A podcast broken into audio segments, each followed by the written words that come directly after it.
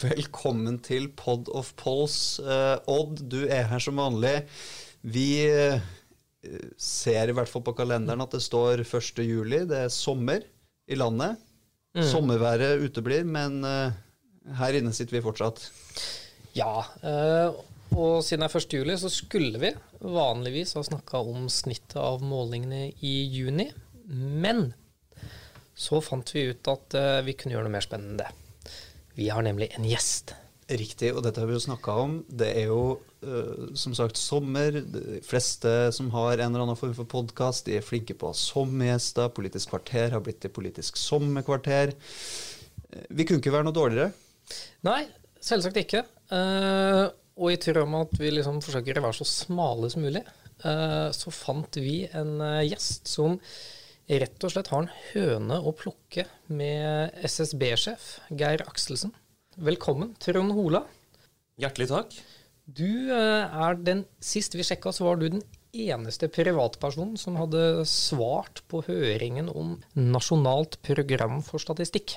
Ja, da jeg sjekket, så var jeg faktisk den eneste som hadde svart noe meningsfylt i det hele tatt. Det var to andre instanser som hadde svart, men de hadde svart at de ikke hadde noe mening. Ja. Men og da, og da vi, vi, hopper bare rett i det, egentlig. Kan ikke du bare dra oss gjennom hva er det du har kommentert, og hvorfor syns du at det SSB har levert, ikke er godt nok? Ja, vi skal fordele skylden med en gang likelig mellom SSB og eh, regjeringen, myndighetene her. Eh, men det vi har nå på høring, og det bør jo alle merke seg, og særdeleshet lytterne i dette praktfulle podkastprogrammet, det er at eh, vi har fått et nasjonalt program for statistikk i Norge. Og det er jo ikke noe som er viktigere enn akkurat det. Mm. Å få riktig kunnskap, statistikk om eh, landet vårt, befolkningen vår, alt mulig. Det er viktig. Eh, og så er det slik at vi samtidig har hatt en eh, fylkes- og regionreform. Den skal ikke jeg mene så veldig mye om. Det er sikkert gode grunner til at man har endt opp der man har endt opp. Men det fører til at noe av det aller mest interessante, det som nesten gir oss våte statistikkdrømmer om natten, det faller bort. Er ikke der lenger. Og eksempelet jeg har valgt å bruke, er Sogn og Fjordane. Sogn og Fjordane er dette deilige fylket som hver gang hvor forskere har, tror de har sett lyset og livet og sannheten, og kan forklare alt med fars og mors utdanning og inntekt, kjønn eh, osv., når alle disse sosioøkonomiske vanlige bakgrunnsvariablene er tatt med, så mener de og håper at alt er forklart. Og så kommer Sogn og Fjordane inn og torpederer alt ved å være et annerledes fylke hvor intet av de funn kan forklares. Og nå blir Sogn og Fjordane og en del andre områder også borte. Det er greit nok som fylkes- og regionreform, men det er ikke greit for statistikken. Ja, fordi hva er det vi taper da? Da taper vi et mangfold og en forståelse. Eh, man kunne sett dette i sammenheng bare med de funn som har vært gjort tidligere, og sagt at det er jo åpenbart at man taper noe bare ved å vise til alle de oppslag som har vært i medier og i samfunnsdebatt, som har vært forårsaket av at man har kunnet sammenligne særlig Sogn og Fjordane med mange andre eh, grupper. For meg er det også et verdispørsmål, skal ikke legge skjul på det. Eh, og det går på at eh, Sogn og Fjordane på mange måter kan sies å være de norske motkulturenes eh, hjemland og hjemstavn. Og jeg er av den mening at eh, resultatene fra Sogn og Fjordane på en hel del holdningsverdispørsmål, kriminalitet, eh, helse, eh, egentlig er et eh, spark i rumpa på det urbane Norge om at motkulturene fremdeles lever og leverer. Men jeg, altså, i mitt hode så kommer du egentlig litt inn på at den kvantitative metoden hvis, de, liksom, hvis, du slår sammen da Sogn og Fjordane og Hordaland, så forsvinner eh, det kvantitative eh, ved Sogn og Fjordane ut av statistikken. Og da går man glipp av de eh, tingene du peker på nå, som man kanskje egentlig burde undersøke årsaken til kvalitativt. Ja, det er riktig. Man vil få færre eh, eh, lyspærer, aha-opplevelser, færre spørsmål som gjør at man blir nysgjerrig, færre undersøkende, irriterende, søvnløse netter eh, ved at Sogn og Fjordane blir borte. Eh, Nord-Trøndelag sammen med Sør-Trøndelag, eh, Aust-Agder til et stort Agder-fylke, Finnmark med Troms og Sogn og Fjordane til Hordaland, det blir mer grått. Mm. Eh, det er en uendelighet av ting hvor jeg har sett dette. Eh, jeg kunne for den saks skyld eh, dra inn eh, slike ting som eh, skolebidragsundersøkelsene. Jeg vet ikke om man, eh, programlederen er familiær med skolebidragsundersøkelsene. Litt. Handler ikke om økonomiske bidrag til skolen, men handler om hvordan skolen har bidratt til at ditt barn har fått en god utdanning, eller om det er du som far som egentlig står bak at barnet ditt har gjort det så bra. Og skolebidraget det regner man ut på finurlige måter for å korrigere for, eh, eh, foreldrenes eh, inntekt og utdanning. Og det er lurt. Mm, Men da, så kan man finne funn når det gjelder på dropout. eh, Og det var det som jeg gjorde for et år siden, som viste at Oslo-tallene skilte seg ut. Og bare Oslo-tallene. Eh, Men man kunne ane det samme i Hordaland. Og man kunne ane det samme i Sør-Trøndelag. Og man kunne ane det samme i Rogaland. For der var det storbyer. Men det var omegnskommuner som var med, og som gjorde at tallene ikke ble så klare. Eh, men man fikk delvis bekreftet det. Og så fikk jeg enda en aha-opplevelse da man jo trønderne slo seg sammen tidligere enn de andre. Slik at man hadde plutselig så et sett med trøndelagsresultater. Og da var det plutselig ikke noe effekt der i det hele tatt. For når du hadde omegnskommunene rundt Trondheim pluss Nord-Trøndelag, så var den byeffekten borte. Denne byeffekten, som altså antagelig var en storbyeffekt som viste at storbyene har så mye av spennende miljøer, annerledes opplevelser, som gjør at hvis du er litt i faresonen, hvis din ungdom er litt, litt grann ute på galeien, så kan storbyfaktoren komme inn og gjøre at du faktisk blir dropout, noe du ellers ikke ville blitt i en liten by. Alle andre forhold like, som vi liker å si. Dette høres ut som eh, at eh, alle menneskene med bakgrunn fra Senterpartiet som hører på denne podkasten, de burde nå kaste seg Gå hjem eh, og skriv høringssvar. Ja, engasjer dere. Det høres ut som alle vi som er litt over gjennomsnittet er opptatt av statistikk, får en fattigere statistikk ut av dette her, da, hvis får, dette går gjennom sånn som det er tiltenkt. Jeg får en fattigere statistikk, men jeg må jo også si at eh, det er riktig det. At når jeg forsvarer Sogn og Fjordane og motkulturene, så skjønner jeg godt at eh, så burde egentlig målfolket og kristenfolket og eh, en hel del andre avholdsbevegelsen være langt foran meg i å eh, lage høringsuttalelser på dette. Så absolutt. Men jeg nevnte jo nettopp storbyene. Altså Det blir Oslo alene som på en måte skal bære storbyfaktorene og være sannhetsbeviset for at det er noen spesielle faktorer knyttet til det. Hadde vi hatt statistikk, som jeg håper Geir Akselsen og SSB og myndighetene vil sørge for, som både gir oss Sogn og Fjordane-tall fortsatt, og som samtidig gjør at vi kan få rene bergenstall, rene eh, trondheimstall og Oslo-tall, eh, så ville vi fått en eh, bedre debatt av dette. Og så er det jo da noen som vil si at men dette kan man jo få likevel. Fordi programlederne her er sikkert nerder, jeg er nerder også, nerde også, og vi kan gå inn i disse ulike verktøyene som SSB har liggende ute. Og så kan vi legge inn kommunenummeret og leke oss og alt mulig, så vi kan på en måte konstruere eh, på det aller meste. Det er likevel en fattig trøst. Fordi det vi konstruerer i vår nerdethet der, det er nok der. Men det gir ikke oppslagene i VG og Aftenposten og NRK. Det er det de tunge undersøkelsene hvor en eller annen journalist ikke behøver å gjøre så mye arbeid for å oppdage at det skinner rundt et resultat fra Bergen, eller det skinner rundt et resultat fra Sogn og Fjordane. Så vi får en mindre opplyst offentlighet, rett og slett. Vi får en mindre opplyst uh, offentlighet, og det tror jeg ingen er tjent med.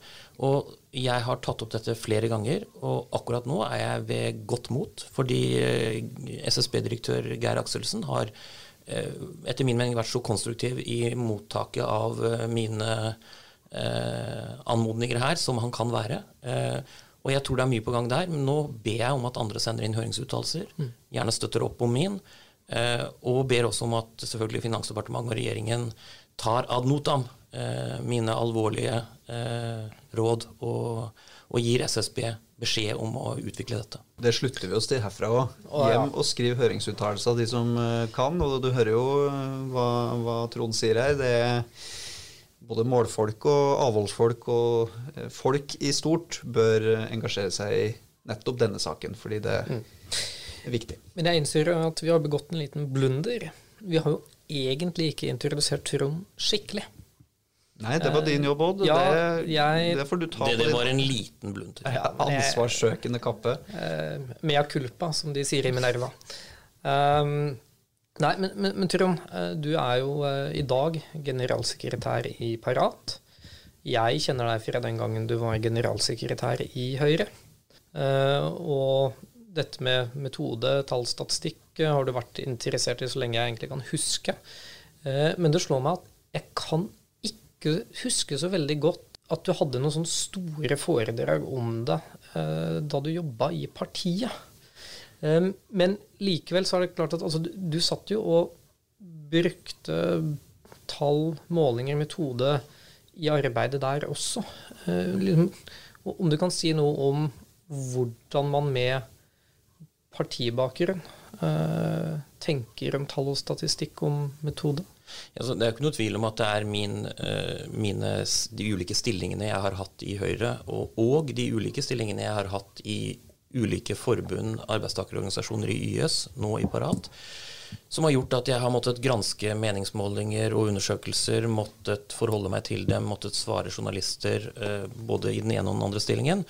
Og det er riktig at jeg ikke har eh, Jeg er jo ingen ekspert på dette. Jeg er riktignok statsviter, men eh, ingen, ingen, på, på, ingen som helst måte noen akademisk ekspert i dette. Det er et interessefelt. Og jeg har sett det fra den praktiske siden. Eh, fra den interesserte, praktiske persons side. Og måttet forholde meg til det i så enkle ting som å få en journalist på besøk som sier at hva er svaret til generalsekretæren da i Høyre på at partiet har gått så mye tilbake i en måling? Hvor jeg da sitter med seks målinger tatt opp eh, før og etter denne målingen det er snakk om, som viser det motsatte. Eh, og journalisten insisterer på å få en forklaring på hvorfor partiet går tilbake. Eh, og jeg svarer da Dette var radio eller TV, så jeg måtte nesten svare på en litt grei måte. Jeg svarte da at på, hvert spørsmål fra journalisten hvorfor vi gikk tilbake, så svarte jeg, svarte jeg hvorfor vi gikk frem. Og det ble jo journalisten til slutt lei av. Men jeg kunne jo ikke gjøre noe annet. Du sitter med seks målinger. Alle, alle, alle avisene alle journalistene har hver sin måling. Derfor er det bra, sånn som jeg vet at dere står for, og veldig mange andre miljøer etter hvert, at man legger vekt på snittet av meningsmålinger. Det gjør det hele litt bedre. Eh, masse funn man kan gjøre. Det første funnet man kan gjøre, det er hvis man har en avvikende partimåling. Arbeiderpartiet går plutselig veldig mye tilbake i en måling. Eh, så det første man skal sjekke, det er gikk Arbeiderpartiet veldig mye frem på dette instituttet forrige gang. Mm. Det er noen uteliggere av målinger som av og til skjer. Og hvis du har en uteligger av en måling en, et, et, en gang, så vil jo den korrigeres i neste måling veldig mange som unnlater å gjøre oppmerksom på dette av journalister og det andre. For det blir så kjedelig. Mm. For avisen og journalisten som har bestilt meningsmåling, så vil man at enhver skal være spennende. Mye mer spennende å skrive at uh, Støre gjorde en, tydeligvis en kjempejobb i forrige måned og en dårlig jobb nå, mens realiteten er at han antagelig har ligget flatt hele tiden. Mm. Fordi altså, du er jo altså, Det er det metodiske du begynner å snakke om nå. Hvordan journalistene jeg, jeg, vil i hvert fall si oftest ubevisst eh, egentlig kanskje misbruker metode litt. Eh, fordi at de egentlig ikke helt forstår nettopp den type ting eh, du, du snakker om her. At stor fremgang i en måned det kommer til å bli korrigert av noe At man ser ut til å gå tilbake neste måned. Ja, jeg kan gjerne være med på å være like snill som du er der ved å si at jeg tror heller ikke det er så mye av den gode norske journalistene som gjør dette bevisst, men en, en viss tidspress, latskap og av og til litt manglende interesse. Men det jeg har merket meg, det er jo at veldig mange journalister i dag stiller jo de tekniske spørsmålene. Altså, de har lært seg, og de praktiserer. Ja, hvor mange var det i utvalget? Mm. Var det bare 300 i utvalget? Var det 500 i utvalget? Var det 700 i utvalget? Hva er, og så tar de sats, signifikansnivået eh, på dette? Eh, og slike spørsmål har de lært seg, og det skriver de ofte om også. Men de spørsmålene er etter min mening, min personlige mening, ikke så viktige som en del andre spørsmål som går på selve spørsmålsstillingen i den undersøkelsen det er snakk om. Ja. Og der mener jeg å huske at uh, da KrF skulle velge side, så ble det jo kjørt ganske mange ulike målinger. Uh, og jeg husker helt bestemt at det var en eller annen måling som viste at Hareide plutselig ble så populær. Uh, som du kommenterte veldig grundig på Facebooken din. har du lyst til å dra oss litt gjennom det konkrete eksempelet? For jeg syns i hvert fall den gangen det var veldig morsom lesning. Ja, det, det, gjør jeg gjerne, og i det ligger det også at jeg gikk veldig klart ut mot Dagbladet. Så satte jeg meg inn i det, og så fant jeg ut at jeg bare hadde sånn 70% rett, så jeg beklaget meg litt over til Dagbladet også. Rett skal være rett. Men det som var Dagbladets versjon, det var at uh, som en følge av uh, det retningsvalg som Hareide hadde tatt, så hadde de målt at han hadde gått opp 10 prosentpoeng, som jo er en voldsom fremgang på en slags popularitets- eller god jobbmåling det jeg så av spørsmålsstillingene, det var jo at dette var jo ikke en måling som bare spurte har du gjort en god jobb. Det var en måling som tvang folk til å si, uh, svare på har du gjort en god jobb, middels uh, eller dårlig jobb. Og da er, det jo ikke, da er det jo det første man skal tenke på hvis du er politiker, og kanskje oppleves til og med som grå av og til. Hvis du da gjør noe oppsiktsvekkende, noe radikalt, eh, noe som vekker voldsom debatt, så er det jo hevet over tvil at hypotesen er du vil gå frem både blant de som sier at du har gjort en god jobb, og blant de som sier du har gjort en dårlig jobb. Og når Dagbladet da velger å ta ut bare godsiden av det, mm. og ikke presentere tallene dårlig, eh, og det viste seg, eh, jeg hadde rett. Eh, Hareide gikk selvfølgelig også opp blant de som sa han hadde gjort en dårlig jobb. Men, og det må Dagbladet få, ikke så mye som de 10 prosentpoengene som sa god. Mm. Så til en viss grad så kunne Dagbladet har rett, men ikke så mye rett som de prøvde å innbille folket gjennom bare å fokusere på de 10 prosentpoengene på godsiden. Mm. Og det, det, er også en, det, Dette må fortelle hele historien i spørsmålsstillingen og hvordan man har delt opp. Det er det andre eller tredje momentet man skal være klar over som leser og interessert i denne sammenhengen her. Eh, og Det neste man skal spørre seg om, det er ble dette spørsmålet som det er fokusert på i denne undersøkelsen, stilt alene? Eller var det noen forutgående spørsmål? Hva så, vil mange tenke. Det er jo uhyre viktig. Hvis vi er interessert her i å måle om man er for eller mot Nato, og så lar man de forutgående spørsmål være at uh, Nå må jeg bare finne på noe. Warszawapakten ble jo oppløst etter den kalde krigen. Burde Nato også vært oppløst? Uh, norske menn har dødd og, kvinner i Natos tjeneste utenlands, og mye av ressursene har gått dit. Var dette riktig? En del sånne spørsmål. Og så er du for eller mot Nato. Så er det helt annet enn ved andre vinklede inngangsspørsmål på det hele.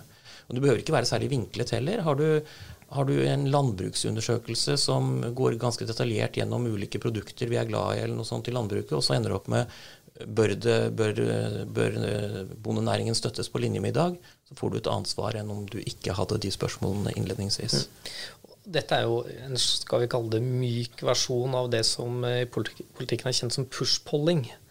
Um, det finnes jo noen uh, eksempler, særlig for amerikansk politikk, som jo er mye mer dramatisk enn som sådan. Ehm, du kjenner kanskje til eksempler fra George Bush sin eh, kampanje mot eh, McCain mm.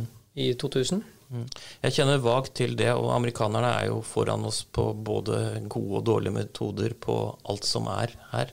Når du nevner Amerika, så er det en annen ting som kunne vært artig å dra frem i denne sammenhengen her, som viser hvilken skepsis man skal ha til metoder, og hva man lenge har trodd. I går så jeg om igjen eh, debatten mellom Nixon og eh, Kennedy.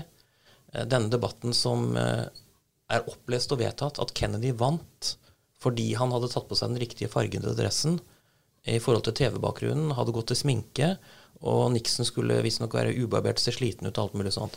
For å si det rett, ut, jeg så ingenting av det. Altså, jeg, jeg så Kennedy er jo yngre enn Nixon, men Nixon så ikke spesielt sliten ut. Kennedy var etter min mening en bedre debattant, men, men det er nå så. Men, men, historien er jo sånn at de som så den på TV, kårte Kennedy til vinneren. Og de som hørte den på radio, de kårte, kåret Nixon til vinneren. Og det er jo korrekt. Og ut fra det så da trekker man den eneste konklusjonen man fant uh, mulig å trekke, nemlig ah, de hørte jo det samme. Så da var det det at de så hvor vakker han var, kjekk han var, hvor god han var i dressen, som gjorde at Kennedy vant her. Det, det er antagelig helt feil konklusjon. Hvorfor? Fordi det er jo to forskjellige universer som disse, bruker disse kanalene.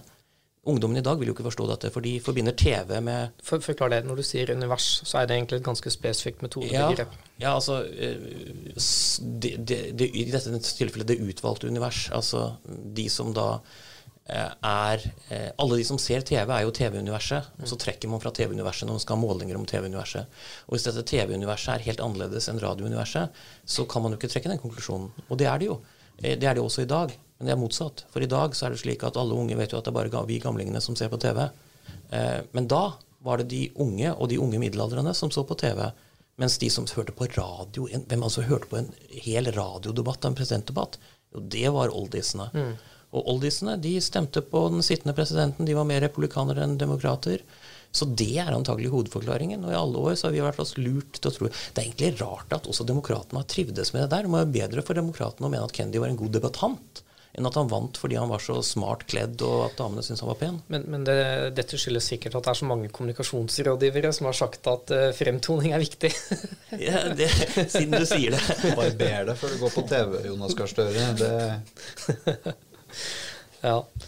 Nei, men jeg, jeg syns det er et uh, morsomt eksempel, altså. Men uh, hva med deg, Stian? Sitte her og lytte. Jeg syns det er en hyggelig, hyggelig samtale mellom to, to forhenværende parti, partifolk. Men det er absolutt uh, det syns jeg kanskje mest interessant, er det du starter med å si om Sogn og Fjordane. Dette med viktigheten av å blinke ut eksempelvis et fylke, geografi, en by, spørsmål om by, storbyproblemer, problematikk knytta til det. Og så i eh, del to her så snakker vi litt om kan det bli for mye målinger?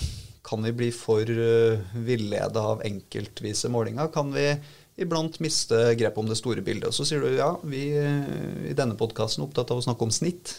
Mm. Men kanskje også iblant snitt blir litt snevert, det òg? Ja. Kan vi miste noe viktig informasjon på veien med å gå for, eh, for, langt ned i grøten, rett og slett? Altså, Nesten alt som er enkeltstående, er jo, bringes til oss som enkeltstående. Det vet jo dere. Eh, fordi enkeltstående aktører ønsker et enkelt fokus, eh, og ikke helheten. Og Det er jo nettopp derfor, da, tilbake til SSB. SSB skal stå for helheten. SSB, det tunge statistiske sentralbyrået som nå har dette høringsprogrammet, eller denne høringen på det nasjonale statistikkprogrammet, de skal stå for helheten. De skal vi stole på. De skal komme med tunge rapporter som gir oss eh, ordentlige vurderinger, eh, og som gjør at vi stiller de helhetlige spørsmål. Og, og, så vil jo resten av verden bestå av at aktører prøver å selge inn sin, både partier og interesseorganisasjoner og kommersielle søker å selge inn sin spesielle undersøkelse, laget på den litt spesielle metoden. Blant alle utspekulerte metodene så er jo den å, å, å, å, lage en undersøkelse på det verst tenkelige tidspunkt for det produktet man har. For det vet man av en eller annen grunn noe om. Og så lager man samme undersøkelse fire måneder senere og kan vise en fantastisk fremgang. Så her, her er det mange utspekulerte teknikker eh, som gjør at uh, statistikk og undersøkelse og metode kan misbrukes, og vi skal lære, lære oss å være kritiske. Og altfor mange er ikke kritiske. Men uh, kan du komme på et godt eksempel på et helt åpenbart, bevisst, kall det misbruk av metode, uh, for å få på en sånn type sak som man har lyst til å få på? Ja, det, det, det er mulig jeg kan, og hvis jeg får tenkt meg litt om, og så kan det hende at hvis jeg kom på det, at jeg ikke hadde så lyst til å fortelle om det likevel. Både av den ene og den andre årsak. Men jeg tror vi kjenner til at, eh, at alle vil være naturlig interessert i å få oppmerksomhet om sin sak og sitt standpunkt, og da vil de gjennomtenke når de lager undersøkelsen, om det er konkurrerende ting uh, som gjør det, om, om, samfunnsdebatten er av en sånn karakter at det lønner seg å gjøre det. Og det behøver jo for så vidt heller ikke alltid være noe galt i det.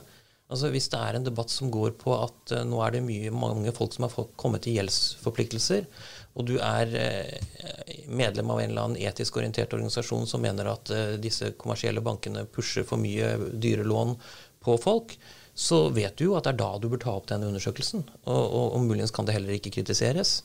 Eh, det er bare det at man bør, eh, som journalist, hvis man skal ta tak i det, si at denne kom samtidig med den store skandalen knyttet til, og, og noen journalister gjør også det.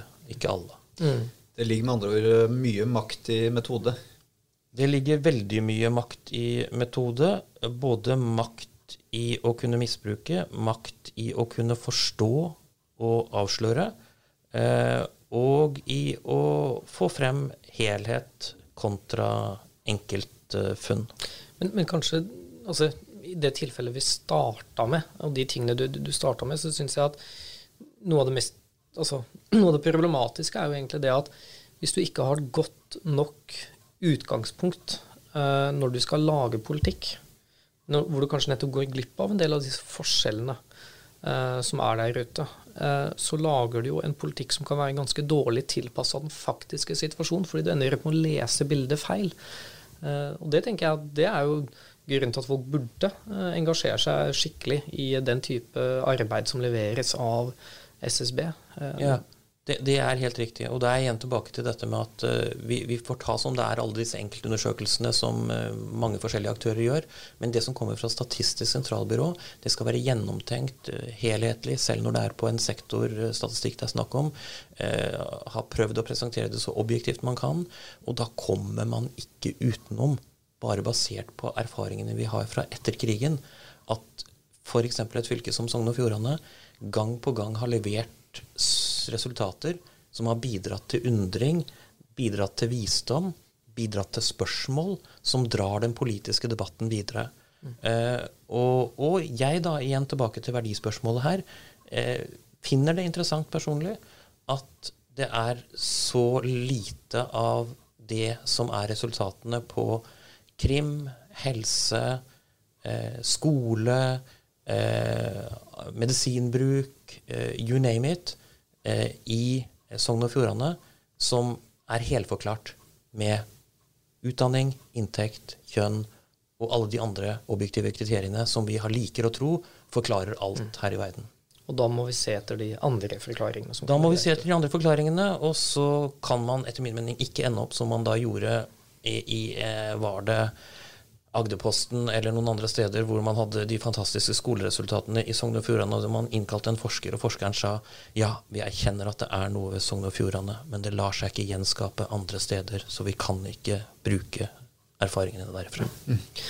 Jeg syns det er et godt sted å runde av. Et, et tverrpolitisk eh, opprop for å beholde Sogn og Fjordane og andre områder eh, som eh, eget, eh, eget, statistikkområde, sånn at vi kan få kunnskapen det gir oss. Absolutt. Og til slutt, Trond, et lite personlig spørsmål. Går sommerferien i år til Sogn og Fjordane? Den er, vi er innom der, fordi det blir Vestlandet. Vi hadde gjort unna Nord-Norge, og derfor blir det vestlandsturné nå. Riktignok vel så mye Hordaland og Rogaland, men vi er innom Sogn og Fjordane også. Da får du ta turen innom alle lokalavisene og kjempe den gode saks sak der ja, de Sogn og Fjordane burde i hvert fall slutte opp om dette. Men la det være sagt også, i tillegg til å beholde Sogn og Fjordane, gjerne få egne tall på Bergen og Trondheim og de store byene. For det gir også ny kunnskap og bedre kunnskap for oss. Til Vi kan ikke annet enn å slutte oss til det. Og som vi pleier å si, den som måler, får se. Takk for at du eh, stilte opp, Trond. Tusen Så snakkes vi på andre sida av sommeren. Takk skal dere ha.